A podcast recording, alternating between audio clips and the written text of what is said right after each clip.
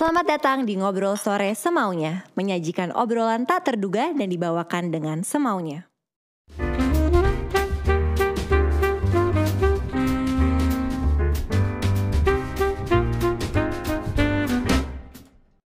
Selamat datang di Ngobrol Sore Semaunya bersama gue Putri Tanjung. Hari ini seru banget teman-teman karena gue kedatangan salah satu sosok yang sangat luar biasa, seorang penulis skenario, produser, saudara, dan juga stand up comedian.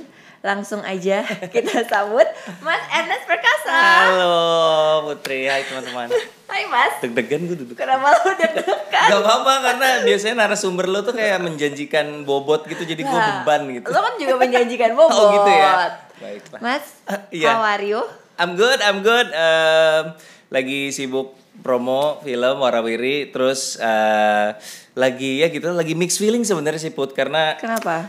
Ya kita kita ini di film kan seneng karena kemarin kapasitas bioskop naik dari 50 ke 70 kan terus pas ppkm di shrink lagi ke 50 lagi kayak, ah, kayak, ya udahlah pasrah aja Berarti bener, Pasrah saja. berarti bener lagi rilis teka-teki tika ya? ya ketiga kan 23 Desember Oh my God, ntar sementara lagi. eh, eh, dan 24 sampai 2 kalau nggak salah tuh kan ppkm Iya, dinaikin jadi iya. ya ah ya sudah ya Nggak sudah. Kita doakan yang terbaik semuanya. Amin, amin, Lo amin. jangan lupa undang gue ya, Mas. siap premier ya Premier ya, bener ya? iya dong kayak Medo. sempet aja sih minta-minta diundang kayak sempet aja dia minta-minta diundang sibuk Mas, itu kita tuh terakhir ketemu tahun 2019 Betul, waktu ya, kita masih bisa Bali. event dengan Bener bebas, ya, indah sekali banget. dunia ya. Creative Partners di Iya. Bali sama Mas Deddy Kobusier ya waktu itu. Betul sekali. Dan itu masih benar, kita masih event Iya, dengan sangat bebas. santai. Tapi sangat gak kerasa karena sekarang udah mau 2022. Wow. Iya gak sih? Bentar lagi loh mas. Iya ya. Eh bulan depan ya? Iya.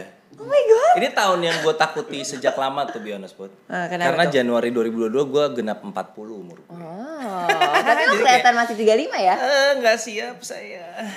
Kepala empat serem. Kenapa sih? Kenapa lo gak siap uh, angka 40? Angka Karena I 4? love my 30 so much gitu menurut gue umur 30-an tuh menyenangkan banget gitu. Kayak Oh, gitu. kayak iya so many things banyak banget hal yang terjadi dan kayak lo tuh masih bisa ngaku-ngaku muda gak sih kalau pala tiga tuh kayak masih muda Iya sih. gitu kalau pala empat tuh kayak enggak, Enggak, udah uh, muda lebih banget sih. mature. lo kan dibilang muda sama orang-orang yang umur 50 dan 60-an tapi mahasiswa umur 20-an kalau udah kepala empat ya udah Tapi udah. waktu lo umur 25 lo juga gak mau masuk tiga dong, angka tiga dong. Kayak gue sekarang nih, gue kan 25.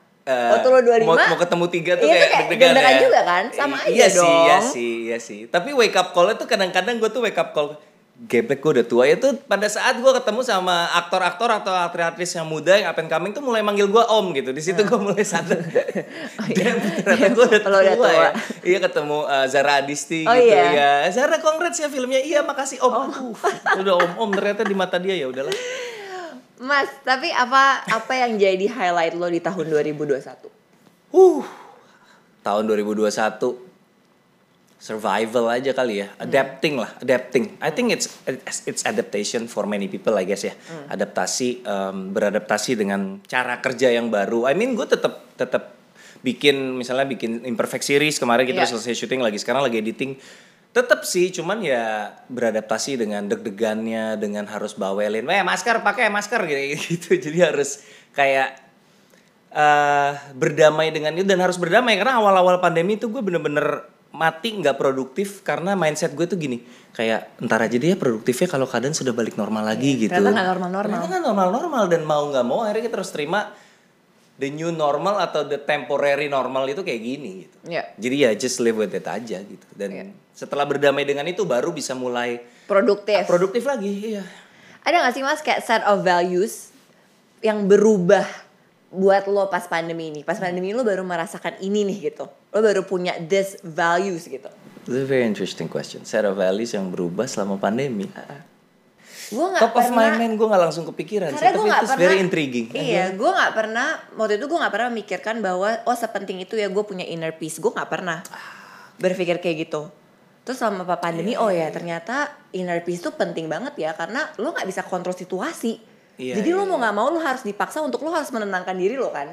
Iya, iya. Nah ada gak sih kayak set of values Yang lo tuh baru menemukan nih di masa pandemi To be honest, kalau yang se-deep itu enggak. Iya. Cuman gue ada satu penyesalan yang gue baru sadar setelah sekarang pandemi gitu. Tapi emang sebenarnya agak remeh sih. Jadi kan sebelum pandemi kan kita bebas jalan-jalan ya. Iya. Dan gue tuh kalau jalan-jalan traveling sama keluarga, gue tuh males bikin dokumentasi karena maksud gue ya just enjoy the moment aja gitu. Ngapain sih bikin-bikin video gitu? Males gue gitu. Akhirnya sekarang setelah nggak bisa traveling gue baru sadar gila dokumentasi gue dikit banget. Lain kali kalau perlu gue bawa videographer kalau jalan-jalan. Biar lo bisa lihat ya. Bawa videographer kalau perlu. Maksudnya kayak sekarang setelah udah nggak bisa jalan-jalan terus lihat memori-memori traveling kita kok kayak dikit banget fotonya Iya. videonya gitu nyesel gitu. nggak penting banget ya. Gak apa-apa. Tapi itu lumayan penting sih. Jadi lu bisa look back kan. Iya iya. Soalnya kalau yang kayak I mean like kayak um, contemplating and then diem and then ini gue emang lumayan rumahan emang banget. ya? Eh, bukan emang emang rumahan banget. Gue I oke. always promote having time with yourself even sebelum pandemi tuh kalau misalnya lagi ada workshop kreatif atau apa, gue selalu bilang salah satu cara paling penting untuk lo bisa eh, apa eh, invoking creativity adalah connect with yourself. Iya. Karena ka- kita kadang-kadang nggak sadar hal-hal yang kita lihat, yang kita serap itu ketika dising sama hal-hal yang ada di dalam itu bisa munculin ide gitu. Nah, untuk bisa sing sama yang di dalam itu kan lu butuh diem. Betul. Diem as if kadang-kadang kalaupun musik gue biasanya instrumental sih. Jadi diem aja jadi gue biasanya ada ruang kerja, my private office di rumah gitu. Ya itu gue duduk gue diem gitu. Kadang setelah musik kadang dead silence aja gitu diem, nginget-nginget segala macem. Gak selalu menghasilkan sesuatu yang bermakna sih. tapi tapi ya buat gue sometimes it does gitu nih enjoyable aja gitu diem gitu. Dan gue rasa itu kegiatan yang underrated gitu. Orang nggak sadar bahwa kayak bengong itu bermanfaat loh gitu. iya benar. Tapi kadang susah sih ya. Emang sih banyak Iya, distraction iya. gitu. Makanya gue gue udah beberapa tahun terakhir mempraktekkan mematikan semua notifikasi kecuali telepon. Oke. Jadi mau itu WA, sosmed nggak ada notifnya sama sekali. Not even a pop up.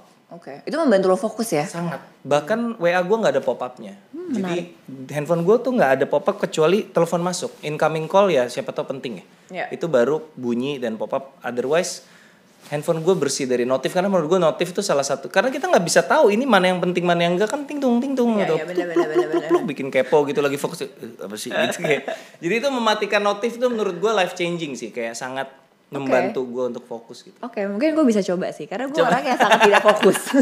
cobain cobain Mas, cobain let's- tapi let's talk about the challenge berkarya di masa pandemi. hmm. Kayak, oke, memproduksi film di tengah pandemi apa challenge terbesarnya?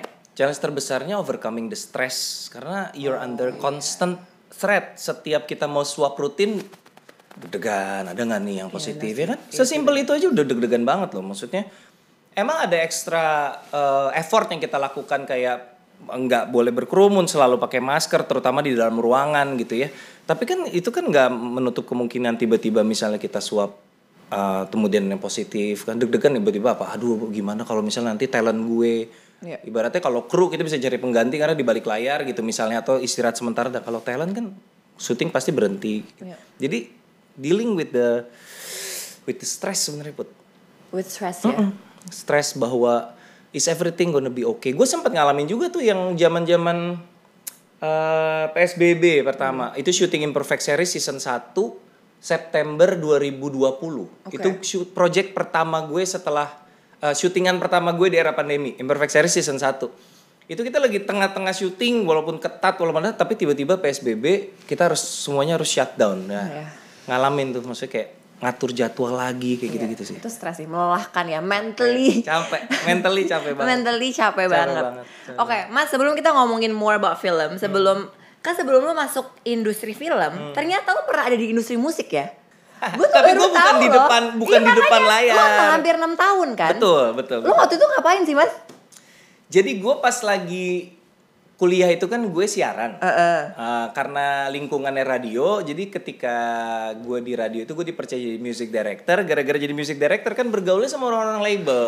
Jadi begitu gue lulus kuliah, gue blast aja tuh email, eh gue baru lulus kuliah nih ada yang punya lowongan kerjaan nggak? Akhirnya? Akhirnya karena gue anak radio, gue disuruh ngurusin radio promotion. Jadi gue tiga tahun pertama tuh di Sony Music eh, dari mulai radio promotion sampai akhirnya eh, terakhir jadi label manager. Label manager tuh kayak semacam mungkin kalau di FMCG semacam brand manager lah. Iya. Jadi ada album rilis, lo bikin marketing plan, bikin PNL, bikin projection, bikin bla bla bla bla bla gitu. Abis lu pindah ke Pindah Universal. ke eh, di Universal tuh sebenarnya sebelum Sony tapi itu gue cuma tiga bulan sih oh, oke. cuma tiga bulan probation and then uh, one thing leads to another and then gue ke Sony tiga tahun and then gue ke uh, DRM yang sekarang jadi uh, content aggregator, YouTube Oke. aggregator. Iya. Uh, uh, mereka sekarang YouTube aggregator, tapi mereka ketika founded itu music label awalnya. Gue karyawan pertama, jadi Oh ya? Yoris Sebastian, Morin Chandra, foundernya, gue karyawan pertama di bawah sendiri. Jadi Oh, banyak kan gitu. bosnya daripada karyawannya waktu itu. Karena kalau satu satu Hmm, gue doang ya. foundernya berdua, karyawannya gue doang. Luar Satu biasa. karyawan pertama gue 2008. 2008. 2008. Nah, abis dari music industry lu langsung stand up comedy. Betul, langsung stand up comedy. Jadi ketika muncul iklan di koran Kompas waktu itu 2011, nyoba iseng-iseng ternyata lolos dan ketika lolos lagi tuh harus karantina ternyata Oke. karena masuk kayak babak you know babak tayangan TV-nya kan di Iya. Kompas TV waktu itu jadi harus ya lo harus karantina nggak bisa ya udah berarti ya udah nih mau terjun apa enggak ya udahlah Tapi apa waktu itu yang membuat lo yakin lo pengen terjun dan mencoba stand up comedy? kalau dibilang yakin sebenarnya enggak Oke. Eh, cuman dari dulu memang gue suka banget komedi. Kayaknya salah satunya dicekokin bokap gue juga sih. Jadi gue tuh oke. dari kecil bokap gue tuh suka kalau gue di mobil orang mah dengerinnya musik, bokap gue setelnya kaset lawak. Oh. Kaset lawak gitu. Lo ngalamin gak sih kaset lawak? Enggak, Gue lo ngalamin. terlalu muda untuk ngalamin kaset lawak. gue gak ngalamin Kaset lawak itu ya basically it's an audio version of Warkop DKI, Iya, iya, Sri iya. Mulat. Iya, iya, Sekarang udah jadi rare item gue rasa mahal kali kalau Iya. dicari. Jadi jadi gue di mobil dengerin itu. Akhirnya di rumah pun gue di tape di rumah gue setel em, Sersan Prambors dulu almarhum Om Sis Sis NS punya grup komedi namanya Sersan Prambors Jayakarta Group dan segala macem. Jadi gue dengerin kaset lawak. Kemudian RCTI masuk ke Indonesia, mulai ada sitkom-sitkom, gue mulai kenal sit. Walaupun di TVRI juga dulu banyak sitkom sih, tapi mulai banyak, mulai semakin banyak sitkom-sitkom. I don't know, just fell in love with comedy, kayak senang banget nonton komedi gitu. Akhirnya Akhirnya, itu yang membuat lo berani mencoba Eh, eh, dan salah satu yang gue enjoy di radio, karena kan di radio kita siaran juga bisa ngelucu kan, Iya. gitu. Tapi waktu saat itu mas gue kepo Waktu saat itu lo tahu gak sih bahwa Oh ini akan bisa menjanjikan nih ada uangnya Atau waktu itu emang belum aja Waktu itu gue ada di titik yang gue lumayan agak jenuh di musik waktu itu, jadi gue rasa ya udahlah sekalian nyoba. Tapi kan sebenarnya kan gue udah punya CV kan ngantor kan udah enam tahun ya put, jadi gue pikir if this doesn't work out ya udahlah gue bawa CV gue kayak eh, ada yang mau nerima gue kerja nggak gitu. kayak gue selama ini nggak butut-butut banget lah kerjaan gue adalah kali yang mau nampung gitu, jadi nggak yang Oke. bener-bener kayak nekat Oh, iya, banget iya, nggak iya, juga iya. sebenarnya nggak juga, nggak segila itu juga gitu. Waktu gue waktu gue ngobrol-ngobrol sama Radit sama Panji gitu ya Hmm. Pas mereka datang ke sini Gue tuh suka banget emang ngomongin um, soal stand up comedy gitu ya Iya. Industri stand up comedy Nah kan lo juga um, waktu itu pernah bikin stand up Indo kan sama Radit ya Betul, kita founded the Founded community, the community. eh, bareng Radit, Panji dan dua orang Dan lain. menurut gue tuh kan kayak menjadi legacy ya untuk um, di stand up comedy Indonesia. Iya. Gue selalu penasaran waktu itu kenapa lo merasa penting mas untuk menciptakan wadah itu? Sebenarnya lahirnya juga nggak sengaja put. Oke. It- komunitas stand up Indo itu tidak lahir dengan perencanaan yang matang yang eh, kegiatan ini harus diwadahi oleh sebuah komunitas gitu, Hmm, oke. nggak juga. Jadi ceritanya gara-gara muncul eh, apa hype si kompetisi itu, kemudian kayak ternyata orang yang suka sama kesenian ini ketemu sama Panji, ketemu sama Radit, ketemu Rian Adriandi yang akhirnya jadi juara satu yang kemarin bikin Nusa gitu. Iya. Akhirnya kita bikin kita bikin acara yuk cobain, bikinlah acara yang iseng-iseng doang dan ternyata membludak jauh di atas kapasitasnya. Akhirnya acara itu kita bikin lagi sampai beberapa kali. Nah, teman-teman yang berada di awalnya kota-kota yang deket kita mulai ngomong kayak Bandung, Bogor gitu, Jogja gitu. Eh, kita mau dong bikin acara kayak gitu. Akhirnya kita bikinin sesimpel sebenarnya bikin awal gue setupin akun Twitter. Jadi Oke. bikin akun Twitter di Bandung, Surabaya, Bali, beberapa kota lah. Itu kita jadiin corong kita untuk eh, komunikasi sama warga di kota-kota tersebut. Eh, kita eh, mau mempopulerkan sebuah kesenian bernama stand up comedy. Jadi yang di Jakarta teman-teman yang di Jakarta lakukan di sana adalah transfer ilmu dan juga menjadi daya tarik. Jadi ketika mereka bikin event tuh pasti bintang tamunya adalah dari kita yang Iya. datang meramaikan Iya. gitu. Akhirnya Iya. lama-lama mereka bisa jalan sendiri dan Iya. sekarang dari Aceh sampai Papua udah, Udah ada komunitasnya gitu. Jadi nggak sengaja sebenarnya tapi ya. Mas, tapi gue sebagai penonton ya, Iya. gue sebagai penonton stand up gitu ya. Kalau gue kan biasanya melihat stand upnya luar nih, Iya. US gitu ya. Dan gue tahu bahwa wah industrinya sangat Iya. sudah sangat baik, sangat mapan gitu ya. Iya, iya, iya. Menurut lo tantangan terbesar em, industri stand up comedy di Indonesia tuh apa sih mas? Sebenarnya tantangannya di sana sama di sini sekarang jadinya mirip-mirip. Iya. Sama kita lagi menghadapi fenomena yang sangat mirip yaitu ketersinggungan kan. Iya, Kayak true. salah ngomong, Bener. di cancel, cancel benar culture. benar ya di kan? Amerika juga udah mulai kayak gitu ya Hal-hal yang banget. lo omongin di sosial media 10 tahun yang lalu bisa tiba-tiba di capture, lagi. ditaruh di Bener. TikTok, akhirnya lo di cancel kayak gitu-gitu. Bener, bener, bener, sebenarnya bener. sebenarnya challenge-nya mirip. Cuman akhirnya yang kami lakukan sebagai stand up comedian adalah lebih berhati-hati terutama di media sosial karena kalau di event misalnya event gue bikin show tunggal nih ya kita merasa lebih safe karena pertama it's a controlled environment orang nggak bisa merekam dan segala Betul. macam. Kedua, secara psikologis orang yang datang ke event stand up dan membayar tiket yang biasanya harganya lumayan, pengen supaya keberlangsungan acara seperti ini bisa berjalan Betul. terus. So why would they in danger itu dengan menyebarkan video-video yang harusnya mungkin malah bikin ribut Iya. gitu. Jadi kalau itu sifatnya event, sebenarnya kita masih sangat merasa itu aman. Tapi dan again dengan pandemi seperti ini ya semua digital Iya. Nah, gitu. gitu. Stand upnya mau nggak mau juga di combo eh, off air on air kayak gitu. Tapi menurut lo sustainable gak sih mas? Maksudnya kayak Hmm. menjanjikan gak sih industri stand up comedy ini di Indonesia? Kalau misalkan ada yang nonton nih, eh, pingin banget menjadi stand up comedian, menjanjikan gak sih mas industrinya? Sebenarnya dilakukan sama Panji udah menjadi bukti bahwa itu very sustainable dengan Oke. dia platform comikanya dia itu kan sebenarnya visinya itu gimana Iya. caranya komedian bisa hidup dari karya Betul. dan ternyata dia sendiri sudah membuktikan bahwa eh, teman-teman komika yang selama pandemi ini nggak bisa manggung mendapatkan penghasilan dari mana? Dari jualan digital download konser-konser mereka show-show mereka dikemas dalam bentuk video dijual di platform comika. Ya. dan walaupun mungkin seberapa duit yang didapat akan sangat tergantung seberapa populer mereka tapi in general they make money from it gitu. Mereka bisa menghasilkan dengan menjual karyanya. Dan itu ternyata ternyata apa yang dilakukan sama Panji itu membuktikan bahwa komedian bisa loh hidup dari karya gitu. Ya. menarik sih. Dan dari stand up comedy, abis itu lo mencoba dunia perfilman. aktor dulu awalnya Aktor dulu. Mm-mm. Kenapa Comic waktu itu mas?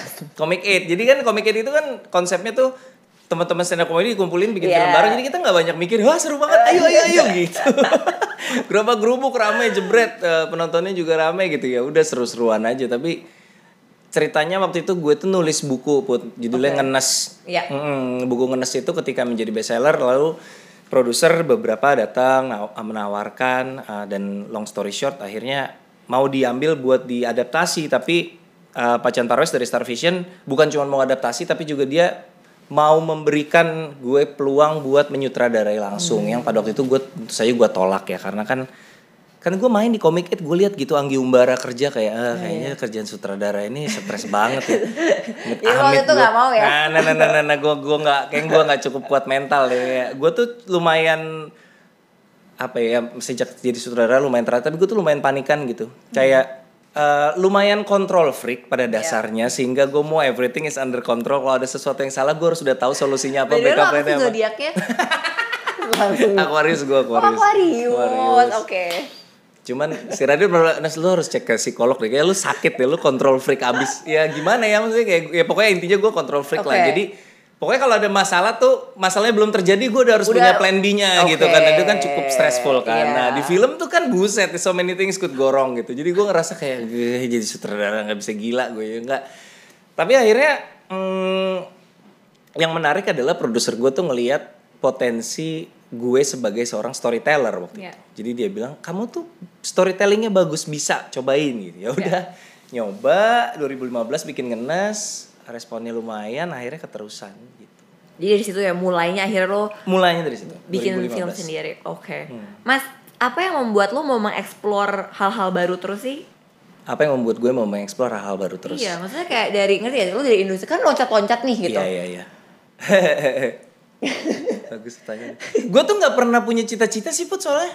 Jadi lo mencoba hal baru Iya, terus aja ya? Nyoba aja. Jadi gue merasa sampai kemudian mungkin wake up call-nya ketika ketika film ngenes rilis dan gue merenung dan gue merasa kenapa gue tiba-tiba jadi sutradara ya Iya. gitu. Terus gue mereflect ke belakang ini nggak pernah ada di not in my wildest dream. Gue nggak pernah punya rencana. Mimpi aja nggak ada boro-boro rencana gitu untuk jadi seorang sutradara. Nah dari situ ketika gue reflect perjalanan gue mikir berarti kesimpulannya hidup itu unpredictable gitu. Jadi ya udahlah nggak usah bikin nggak usah bikin rencana jauh-jauh.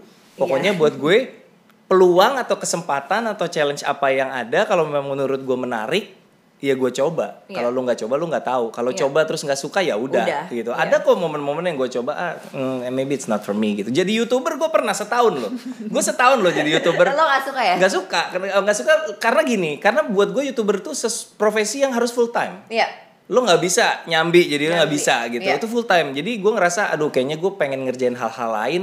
Sementara untuk full time di YouTube kayaknya gue nggak secinta itu. Iya. akhirnya gue tinggal. Jadi channel gue ada tapi gue udah nggak aktif lagi gitu jadi gue selalu merasa uh, menemukan hal baru tuh menarik dan gue kemakan sama omongannya Steve Jobs yang legendaris itu somehow walaupun klise tapi buat gue nempel banget gitu yang dia di Stanford bilang stay hungry stay foolish itu buat gue kayak cuma empat kata tapi it's so powerful gitu. Iya. dan I've seen it gitu. Maksudnya kayak stay hungry stay foolish itu kan pada prinsipnya stay hungry kayak lo belajar selalu lapar untuk untuk eh, memperkaya diri dengan informasi bela- Betul. makan nih makan maksudnya makan ilmu gitu Iya, ya iya. ilmu dan stay foolish selalu merasa bodoh gue sih merasa itu bicara soal Hmm. humility gitu kayak lo nggak merasa lo yang paling pinter lo nggak merasa lo yang paling jago gitu dan kenapa gue jadi believe sama sama um, mantra itu karena gue ngelihat sepanjang perjalanan gue deh dari 2011 sampai sekarang gitu ada banyak sekali teman-teman yang ketika gue kenal atau ketika muncul tuh kayak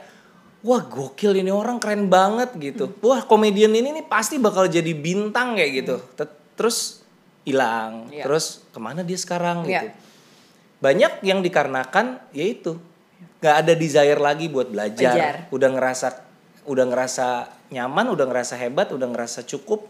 Akhirnya pelan-pelan pudar anjir lupa ada di mana gitu. Jadi gue selalu merasa ya harus nyoba hal-hal baru sih. Kalau enggak ya mandek mau gitu. berkembang ya mau berkembang, Mas tapi kan saat lo loncat-loncat atau misalkan lo mengeksplor hal-hal baru Hmm. berarti kan lo harus membutuhkan skill adaptasi yang baik dong ya nah Iya, dari iya. gue kepo nih soalnya gue ke- dari lo satu satu peran ke peran lain gitu ya Iya. itu waktu adaptasinya biasanya berapa lama sih mas dan lo ngelakuin apa biasanya eh buat gue adaptasi itu kan sebenarnya yang hal yang paling eh mendasar adalah lo malu kelihatan bego nggak? Itu dulu. Bener kalau lo nggak malu Bener, kelihatan bener, bego bener, bener. lo mau nyoba sesuatu yang Bener, baru nggak apa-apa kan Bener, masih bener, baru bener, gitu. bener. tapi kalau lo udah gengsi duluan kayak gue nggak mau kelihatan tolol gue iya lo gue nggak mau kelihatan bego gue maunya selalu kelihatan keren dan Iya. ya lo ya susah gitu. Kalau gue gue belajar di sutradara ya gue ditolol-tololin orang lah. Nih anak dari mana sosok jadi sutradara?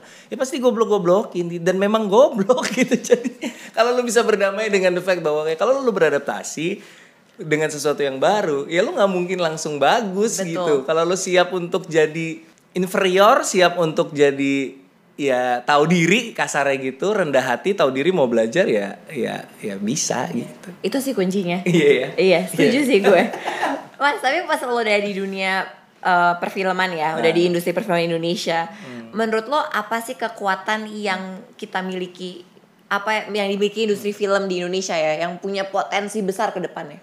Uh, salah satu kekuatan terbesar kita adalah penonton Indonesia itu cinta film Indonesia. Hmm, itu oke. dulu. Itu kenapa itu penting karena fondasi dari industri perfilman itu pasti film lokalnya dulu. Kalau Ya. kita mengandalkan film luar susah gitu. Hmm. Tapi kalau kita punya film lokal yang dicintai oleh penonton, maka itu jadi fondasi industri yang sangat kuat menurut gue dan itu sudah proven bahwa penonton kita sangat cinta sama film Indonesia dari film-film yang ya of course film kita berevolusi 10 tahun terakhir secara kualitas gitu ya Ya. dari mulai yang kan itu kan saling berhubungan. Kalau kalau filmnya penontonnya sedikit tentu investor investornya juga nggak mau keluar uang banyak. Semakin penontonnya banyak investasinya semakin berani. Kalau dilihat sekarang muncul film-film yang bisa kayak kadet 1947 gitu Iya. atau seperti dendam. Jadi variasi genrenya eh, atau preman gitu variasi genrenya luar biasa. Dan itu hal kedua menurut gue yang juga penting variasi genre. Karena kita pernah industri kita berkibar gara-gara horor waktu eranya tusuk jelangkung dan segala macam. Tapi habis itu wah horor rame. Brr semua horor dari mulai horor iya, yang bener iya. sampai horor yang cabul. Akhirnya runtuh gitu. Iya. akhirnya runtuh. Nah sekarang dengan dengan kemarin gue juga sempat jadi juri FFI gue lihat film-film Indonesia yang ada gitu gue merinding sih. Gue ngelihat betapa film-film kita tuh sekarang genrenya kaya banget gitu. Variatif ya. variatif. Dari mulai penyalin cahaya preman Yuni sampai Ali dan Ratu Ratu Queen Iya. sampai banyak banget yang yang yang menyuguhkan ber- berbagai warna yang berbeda. Jadi penonton juga ketika bioskop nanti sudah pulih kembali juga punya banyak pilihan gitu Ya. nggak hanya satu genre itu terus Apakah ekosistem perfilman Indonesia sudah sehat? I dare to say dengan usia usia industri kita yang semuda ini ya kita ngitungnya jangan dari zaman Usmar Ismail ya dari zaman kita kebangkitan renaissance perfilman kita dari ADC ke sini Iya, lah iya, gitu. iya, iya. Sebenarnya ekosistemnya sudah berjalan dengan sangat bagus Oke. in my opinion. Of course it's not perfect. Tantangan terbesar masih klise pembajakan. Tantangan terbesar kita adalah pembajakan walaupun pemerintah juga bukannya diem aja, memang ada kok eh, itikat untuk bersama-sama memerangi, tapi memang namanya penjahat biasanya lebih jago daripada penegak hukum gitu. Nemu aja celahnya gitu kan, apalagi dengan platform-platform sosial media yang format-format video pendek yang kadang-kadang orang kayak gue, lu percaya gak sih imperfect series itu kalau dibajak di TikTok itu sampai setengah jam itu dipecah satu menit satu menit satu menit bisa sampai part 1 sampai part 30 gitu Iya, lu bisa lu bisa selesai nonton di sini. bisa selesai nonton di TikTok gue kayak aduh gila nih om. So ekosistemnya sudah cukup sudah cukup baik. Em, yang dilakukan sama eh, sebenarnya Pak Jokowi itu eh, boleh kan ya ngomong Boleh, Jokowi? boleh. ya. Ntar gue takut di Boleh, Enggak, boleh, tapi ini untungnya ini positif karena gue ngikutin banget gitu karena gue karena gue ngikutin eh, bahwa beliau mengangkat industri bioskop dari daftar negatif investasi itu itu dampaknya luar biasa. biasa, ya. luar biasa. Jumlah layar kita jadi buat teman-teman yang nggak tahu dulu tuh investasi asing tidak boleh masuk ke Indonesia untuk sektor bioskop. Ya. jadi bioskop hanya pengusaha lokal. Itu dicabut sama Pak Jokowi 2015 kalau nggak salah 2016 itu udah mulai eh, kalau teman-teman perhatiin jumlah layar itu kayak tung tung tung, tung gitu dulu bioskop kayak layarnya tuh sedikit gitu. Tiba-tiba di sini dan itu membuka untuk industri perfilman ya itu membuka keran yang peng gitu dibuka. Makanya ketika kita lihat growth perfilman Indonesia yang dalam beberapa tahun dari 2016 ke sini tuh uh, growthnya sampai ratusan persen karena salah satunya karena itu karena banyak bioskop gitu. Dulu orang kalau mau ke bioskop aduh jauh ke bioskop males gitu. Nah sekarang udah makin banyak pilihan. Jadi sebenarnya sebelum pandemi itu kita lagi ada di masa-masa yang bisa dibilang on fire sebenarnya. Put. Jadi growth itu kayak bayangin 2000 2015 itu kita masih sepanjang tahun penonton film Indonesia itu 18 juta penonton. Ya. Kalau gua nggak salah 2019 itu udah 55 juta penonton Indonesia. Bayangin dari 18 ke 55 dalam waktu 5 tahun kurang lebih ya, 4 5 tahun. Itu gila banget gitu. Dan itu pun dengan kondisi yang bioskop masih nambah layar, nambah layar, Iya. investasi masuk, uh, ada Cinepolis dan ada segala macam. Jadi seru lagi, Lagi ah, seru-serunya. lagi, Terus lagi, pandemi. la- lagi kita tuh lagi sprint gitu, lagi ngebut banget tiba-tiba, eh, tiba-tiba dijegal nyusruk. Tapi gue melihat udah udah pelan-pelan udah recover kan mas. Pelan-pelan Gue udah. udah makin seru sih sekarang. Betul betul Iya betul kan? betul betul. Pokoknya ya ya kalau nanti semoga kita tunggulah berapa lama misalnya nanti amin pandemi selesai recovery-nya butuh waktu berapa lama semoga sih tidak terlalu lama. Di satu sisi gue percaya orang udah rindu tapi di sisi lain juga mungkin faktor ekonomi juga terdampak kan ya. Iya. Karena kan bioskop biar gimana pun kan bukan kebutuhan primer atau sekunder gitu. Jadi apakah orang em, ekonominya seberapa terdampak sehingga mau datang ke bioskop ah males ah mahal gitu mahal sah bayar uh, popcorn gitu mahal beli minum karena jajannya sama tiketnya kadang-kadang mahalan Bener, jajannya kan jajannya, setuju. Mas, tapi tadi kan lu bilang bahwa sekarang film tuh banyak variat variatif banget lah ya. Iya, iya, nah, lu iya. kan sekarang mau ngeluarin teka-teki tika. Iya. Itu yang membedakan dari film-film lu sebelumnya apa? secara genre beda banget Beda banget beda kan? banget beda banget kalau lihat dari teasernya juga kan memang beda banget dan eh tapi ini bukan perbedaan yang gue rancang artinya next movie gue harus sesuatu yang beda sebenarnya proses kelahiran ketika itu awalnya next movie ketika gue lagi mempersiapkan tuh belum ada rencana keluar dari komedi sejujurnya Oke. Put. jadi masih ya udahlah gue ngerasa nyaman di komedi gue suka ngerjain komedi gue suka ngelihat orang ketawa di bioskop jadi gue duduk di depan komputer dengan mindset yuk bikin skrip komedi, Komedi lagi, lagi, gitu. oke. Tapi somehow pandemic block ini if there is such a thing ya, itu bikin kayak block. mandek banget gitu dan akhirnya gue ngerasa kayak kayaknya kayak kita nih kayak punya deep down inside kayak karena dikekang ya kayak pengen punya semangat bebas gitu kayak pengen pengen bebas gitu. Nah itu termanifestasinya ketika gue mulai explore ide-ide yang bebas dari pola gue kok kayak lebih exciting ya gitu. Jadi ketika ide teka-teki muncul bikin drama yang lebih ke misteri lebih ke thriller kok gue jadi semangat ya ngerjainnya kayak ada freedom gitu di Iya. situ gitu dan itu kayak buat gue ngerjain skenario di tengah pandemi kayak jadi sangat-sangat menyenangkan ngerjainnya gitu jadi ya udah lancar sampai jadi skripnya sampai syuting Lo mau syuting kapan waktu itu? Waktu itu gue syuting uh, ketika itu uh, abis lebaran, berarti sekitar Mei ya, kurang Oh, Mei. Mei. ke Juni ya. Oke. Mei ke Juni 2021. Oke, dia akan rilis Desember ini berarti ya. Betul, 23 Desember. Lancar-lancar ya, Mas. Amin, terima kasih. Udah pasrah lah gue.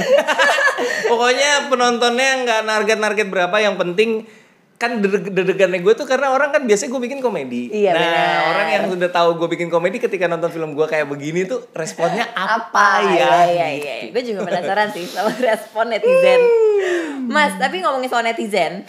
Waduh, kok tiba-tiba ada kayak ini ya kayak Valentino Rossi ya nikungnya nggak kebaca ya tiba-tiba soal netizen. Mas, dengan semua yang lo jalanin kan otomatis lo jadi public figure. Ya. Ya kan? Secara otomatis lo juga punya the power of influencing lah ya other Ya. people gitu. Ya. Tapi gue juga salah satu followers lo Iya. di Instagram gitu ya. Dan menurut gue salah satu bentuk influence yang gue suka adalah di mana lo tuh suka mensupport istri lo um, dengan value-value yang dimiliki gitu ya seperti woman empowerment, Iya. body positivity. Iya. Nah, menurut lo mas sebenarnya seberapa penting mengenai value woman empowerment dan body positivity tapi dari perspektif laki-laki ya, Mas? Iya, kalau isu-isu yang cewek banget itu kan sebenarnya salah satu motivasi terbesar gue ya selain istri ya sebenarnya kan anak gue. Iya. Anak gue perempuan, sekarang umurnya 12 tahun.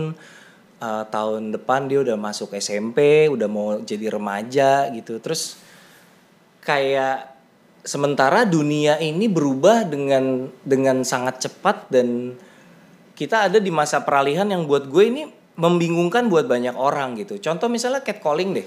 Iya. Dulu kan catcalling tuh kayak aneh banget kalau ada cewek cuman di kiu kiu kiu cewek gitu terus marah kan ceweknya yang aneh dong kalau dulu ya. Maksud gue kayak orang tuh nggak tahu dan gue juga baru tahu recently setelah ya setahun dua tahun terakhir kalau oh ternyata kekerasan seksual itu levelnya ada banyak banget dan entry pointnya itu ya mulai dari verbal not even verbal yang kasar Betul. hanya sekedar dari cewek nah awal dari Iya. situ itu udah udah udah membuka sebuah sebuah kultur atau sebuah pembiaran atau sebuah apa ya normalisasi bahwa itu tidak apa-apa dan itu membuka peluang ke arah yang lebih parah. Nah hal kayak gini kan kayak buat gue kayak baru pengetahuan baru pada waktu itu ya gitu. Kayak kayak marital rape deh. Kayak oh ternyata istri itu tidak wajib melayani suami ya. Ternyata pemerkosaan itu terjadi di dalam rumah tangga. Oh ternyata kalau suami memaksa istri itu kekerasan seksual itu kan buat gue kayak oh gitu belajar. Dan kayak gue yakin ini pengetahuan yang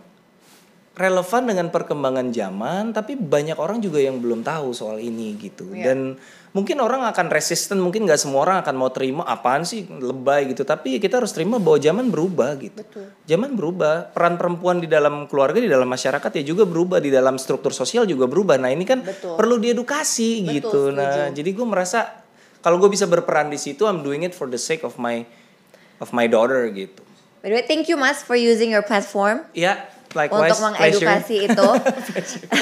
Dan Mas, tapi eh, gimana pandangan lo tentang impact yang dimiliki seorang influencer sih Mas? Kayak kan gue kayak baru-baru ini kayak gue baru lihat deh lo mengkritik salah satu influencer gak sih?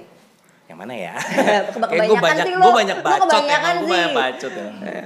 Susah ya, Put. Maksud gue kayak kalau buat gue rambunya itu adalah kayak do you do more good than harm gitu. Kayak lo mel- mencelakakan orang gak sih? Lo merugikan orang gak sih? Kalau memang enggak, kayaknya menurut gue ya udahlah gitu. Kayak misalnya gue sering banget lah terlibat dalam diskusi yang kayak tadi kayak lo ngomongin soal menggunakan platform untuk menyuarakan sesuatu. Nggak semua orang melakukan kan. Iya, betul. Dan apakah yang tidak melakukan lantas salah? It's debatable gitu. Nggak usah jauh-jauh ya. Tadi lo sebut Raditya Dika. Gue sama Panji sama Radit tuh kan beda banget. Beda Gue sama Panji bawel banget. Bener bener. Radit Radit selalu nggak- Radit aman. zen, nggak Iya, pernah tuh- ngomongin ngomongin hal-hal yang kontroversial Bener. gitu. Gue ini jadi diskusi di kalangan kita juga sering dan buat dia nggak bisa.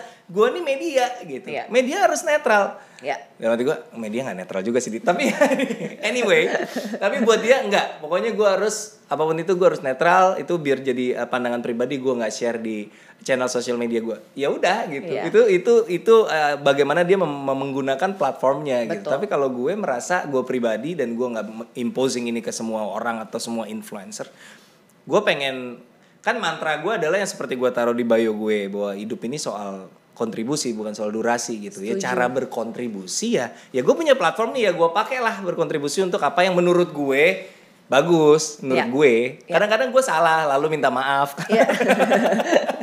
tapi yang menurut gue bagus ya gue suarakan gitu Oke, jadi menurut lo, oke, tapi kalau misalkan lo melihat nih mas ya, sekarang influencers yang Iya. ada di Indonesia, Iya menurut lo kondisinya gimana sekarang? Eh, kondisinya ya globally sih gue lihat ya. Orang menjadi sangat mudah eh, menjadi sangat mudah menjadi powerful dan very influential. Em, cuman memang mudah sekali terjebak di dalam bubble bubble bubble apa ya? Gue nggak tahu sih istilahnya apa tapi semacam bubble pemujaan gitu loh. Pemujaan yang kayak lo tuh hanya dengerin orang-orang yang menyanjung Iya. lo orang-orang yang mengkritik atau mengingatkan yang often they're valid gitu. Gue sering banget dikritik dan diingatkan oleh follower gue dan gue merasa itu valid. Iya. tapi lantas orang-orang ini langsung jidatnya distempel haters Ya, ya, ya, ya. kalau lu ngomong itu kut- kayak udah dikotomi aja, lu positif apa negatif tone Kalau positif lu support gue, kalau negatif lu hater gue gitu. Nah ini yang bikin jadi bubble-nya jadi udah bias gitu kayak udah nggak tahu lagi mana hal yang baik dan buruk benar dan salah karena ya udah pokoknya kalau ada yang ngingetin atau ada yang mengkritik, gue nggak perlu dengerin haters gitu. Iya. Nah ini sih sebenarnya yang menurut gue sayang gitu, Iya. sayang kalau it- itu akan sangat meng- menghambat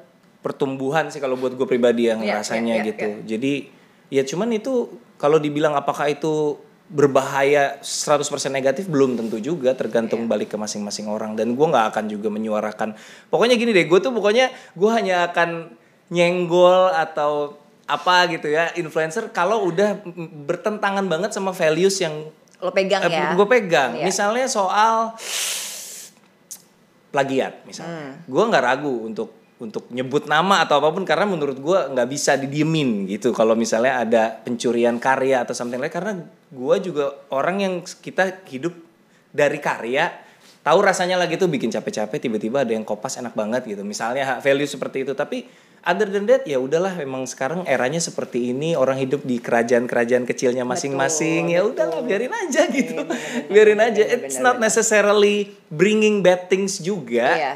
Orang juga kadang-kadang suka bertendensi negatif kadang-kadang juga karena sirik juga Iya betul.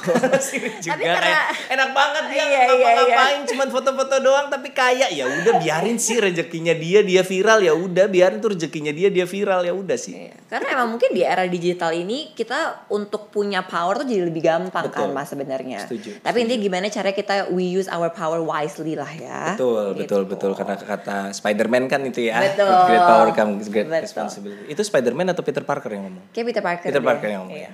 Oke, Mas, last question. Oke. Ini bukan last sih. Goalnya apa nih untuk Mas Ernest? Apa yang ingin dicapai? Atau kayak udahlah go with the flow? Iya, gue tuh selalu selalu ya kayak tadi itu gue bilang put jadi ketika gue sadar bahwa gue ada di titik ini nggak pernah punya plan gitu so tapi gue bahagia bahagia aja jadi Berarti lo gak punya target mas? Kayak oke next year gue harus apa? Next year ada. Jadi gue punya target Oh. target setahun, tahun depan. Oh, gue tahu oke. tahun depan karena gini. Kenapa gue melakukan itu? Karena ke- sering kali hal yang gue melakukan tahun depan udah harus disiapin dari sekarang. Iya. That's the reason. Iya, gue tahun depan mau rilis film ya kan dari sekarang gue harus cari Ben- idenya, iya, belum betul. nulisnya, belum prepnya, belum Betul. syutingnya gitu. Jadi it's it's more of a plan bukan bukan cita-cita gitu. it. Jadi kalau goal as in apa sih yang pengen lo capai dalam hidup? Gue bisa ada di sini aja gue nggak pernah ngimpi gitu. Put. Maksudnya I have achieved way way more than I ever imagined. Jadi gue nggak pernah punya cita-cita, nggak pernah. Pokoknya let's see where life takes me aja. Iya. Oke, ini Sangat tidak ambisius ya. bagus sih mas. Kadang-kadang ya, perlu juga sih kayak gitu. Iya. Mas Ernest, this is Iya. the last question. Oke, oke. Dan ini yang selalu gue tanyain ke semua Oke. um, narasumber yang datang ke NSS. Oke. Kalau kan nih uh, acara ini dan obrolan kita akan stay forever di YouTube. Oke. Misalkan nanti Mas Ernest lima tahun lagi ya, Mas Ernest lima tahun lagi nonton lagi nih Hmm. acara ini. Apa yang Mas Ernest sekarang mau sampaikan ke Mas Ernest di lima tahun ke depan? Oke. Hai Ernest 2024. ya. Iya. Ya, 2000. Hai Ernest 2026, dengerin ya. Eh, Ernest 2021 ini hidupnya cukup bahagia, happy-happy aja. Eh, Masalah-masalah dalam hidup itu hal biasa, tapi generally eh, semuanya berjalan dengan baik, dengan aman, dengan kece lah pokoknya. Jadi kalau 2026 nggak bahagia, lu yang salah. Ngapain lu dari 2022 sampai 2026? Coba introspeksi ya, karena 2021 happy-happy aja nih. Jangan bikin kacau lu. Oke, Gitu thank ya. you so much Sama-sama. Mas Ernest. Terima kasih. Terima kasih, terima kasih teman-teman yang udah nonton juga. Jangan lupa untuk terus nonton Ngobrol Sore Semaunya. Setiap hari Kamis jam 6 sore hanya di Sexo Media. Bye-bye.